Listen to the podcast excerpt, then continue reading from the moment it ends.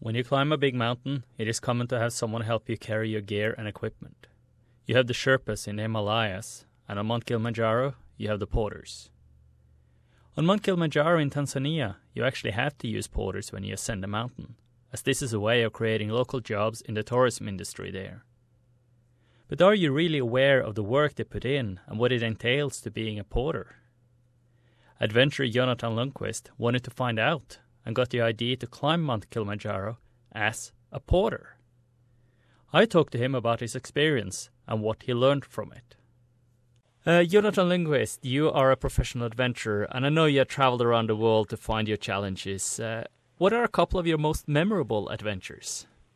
Well, it all started uh, three and a half years ago when I biked from from Sweden to Tanzania during five months. That was my first big expedition. And uh, after that, I also have been uh, kayaking across Europe from uh, from Sweden to the Black Sea. I have been hiking across India and roller skiing across uh, Australia. In your most recent adventure, you climbed Mount Kilimanjaro in Tanzania. It's not the first time you climbed that mountain, is it? No, I climbed it the first time when I was 19 years old, and uh, it was during that climb when I w- went up to the toilet at middle of the night and I saw the porters lying there really, really freezing under a small blanket.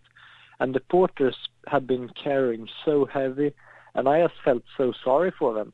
And I remember that I was asking myself, maybe I can do it as a porter to to like uh, be some sort of uh, support to them and also lift up them to the society the the porters are normally the ones carrying all your stuff, and you only carry a day backpack uh, yourself when you climb Kilimanjaro.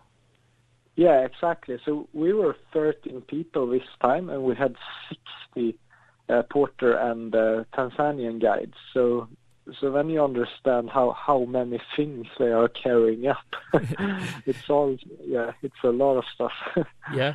So uh, and it was this porters and this experience that I really want to talk to you about today. As you, you mentioned briefly, that said, uh, you wanted to climb with the porters and not with the other tourists. Uh, can you talk even more about why you wanted to do that? Yeah, I, I just wanted to, to like break the barrier between black and white people. I wanted them to to see that okay, here's a white man and he's doing our job so I, I, I didn't only climbing with them. I was also sleeping in their tent. I was eating food with them and tried to do all the duties they had, like raising the tents and help with the cooking and everything. And uh, at the beginning, it was hard to to find the respect because they thought I didn't uh, would make it.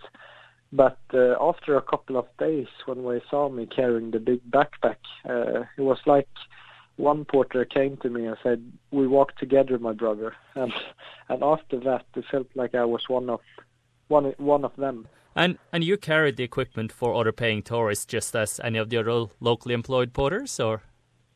Yeah, exactly. But every every tourist they they give away 20 kilo to, to to one porter. So I was also carrying all of my own stuff and and some camera equipment uh, from my cameraman so so total 35 kilo when it was uh, like the heaviest. And did you sometimes have to sort of do the day's trek a couple of times, so you left some some of the gear and then walked up some and then back again? Yeah, exactly, and that was the fun fun part because if I get to camp maybe three four hours before the group, sometimes we walked back for maybe one or two hours, got more backpacks on our back and walked back to camp. so it was pretty tough. Yeah. And I, the the thing I was having most problem with at the beginning was keeping up uh, with the pace uh, as the porter had because they walked really really fast. yeah, because they don't do this for a living and they do it almost uh, every day. But on the other side, you're not unacquainted with uh, long walks and heavy loads either. No, and especially not the altitude. That's where the big uh, difference is. I'm used to carrying big backpack in the military and walking across India, but the altitude is the the thing that's uh, it's the big problem. Uh, I mean, at 6,000 meter, it's half the oxygen that uh, that it is on sea level. So So the oxygen is a big, big problem. And and you talked about it earlier that in the beginning the porters was a bit skeptical and uh, didn't really sort of believe you would make it. Uh, what did you do to sort of earn their respect? Um, I, I think um, the most respect when they saw me carrying the big backpack, but also during the evenings when I was not spending so much time with the Swedish group, I was spending time with them, and uh, that's where I think they started to really like me. Uh, I mean, I, I didn't just do this as a project. Uh, the, the other porters really became my my friends, uh, and even after the climb, we went out and had dinner together, had some small party, and they were not used uh, that the white people uh, spend so much time with them, and that's where I get got the respect. I think. Yeah. So uh, in the end, after the whole whole trip, uh, that they actually respected you and and they appreciated you doing the effort. Yeah, yeah, definitely. They were so happy, and I thought uh, someone else had done this in in the past, but uh, uh, everyone I talked with said this was actually the first time a white guy walked as a porter, and that's felt uh, pretty big for me that uh, I was actually maybe creating history in in Tanzania. So that's uh, I think that uh, feels good for me. On the other side, what was the reaction from the tourists you were caring for and that you were treating during this uh, this expedition? they were pretty prepared for it because uh, before a couple of months before I went out in media in Sweden with this, so they know what I was going to do, and also, I mean, I, even if I didn't spend that much time with them, I I still spent time with them and and became friends with them too, of course. But uh, yeah, it was they were a great support for me. I mean, every morning when we passed them, they shared on me and say, "Yeah, good job, Jonathan," and "See you later." And yeah, so it was a good uh, good reaction from them too. And this whole experience must have been a deep dive into a different world and culture than most travelers do not experience, or at least only see from the outside. Uh, uh, what did you learn from it? Oh, I I learned um, a lot about the culture. I will say, uh, just the way the the people in Tanzania are.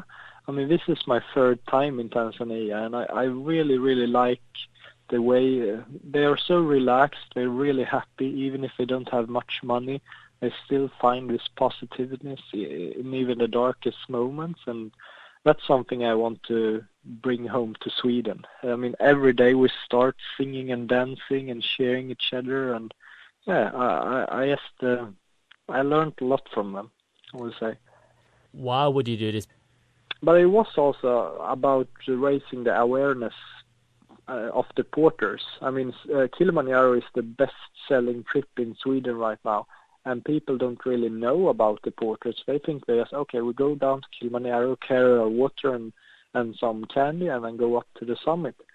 But uh, through Swedish media, I wanted to to lift up the porters, so there will be a bigger understanding for them here in Sweden.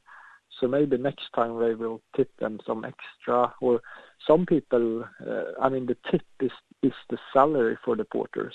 So if you don't tip, they they will climb eight days with basically no money. So I I just wanted Sweden to have a better understanding uh, of the porter. That was the main main reason why I did it, and of course also about the challenge. I I like this kind of projects. It's not my first time, so there's something about it that I really really like. Yeah. And uh, how has the interest been in uh, Swedish media for your uh, adventure and your story? Uh, because of my last trip, uh, pretty, mm, yeah, it was pretty big uh, here in especially Jönköping and, and Gothenburg. So I, I'm happy with it. But we also, I had this cameraman with me, so we we will work with creating this documentary about it and try to sell it into to SVT in in Sweden. But uh, we will see what happens. We have a lot of film material, and hopefully we can do something really good with it. Jonathan, uh, I'm impressed by your uh, efforts, and uh, as always, it's been uh, great talking to you. Yeah, same, Frank.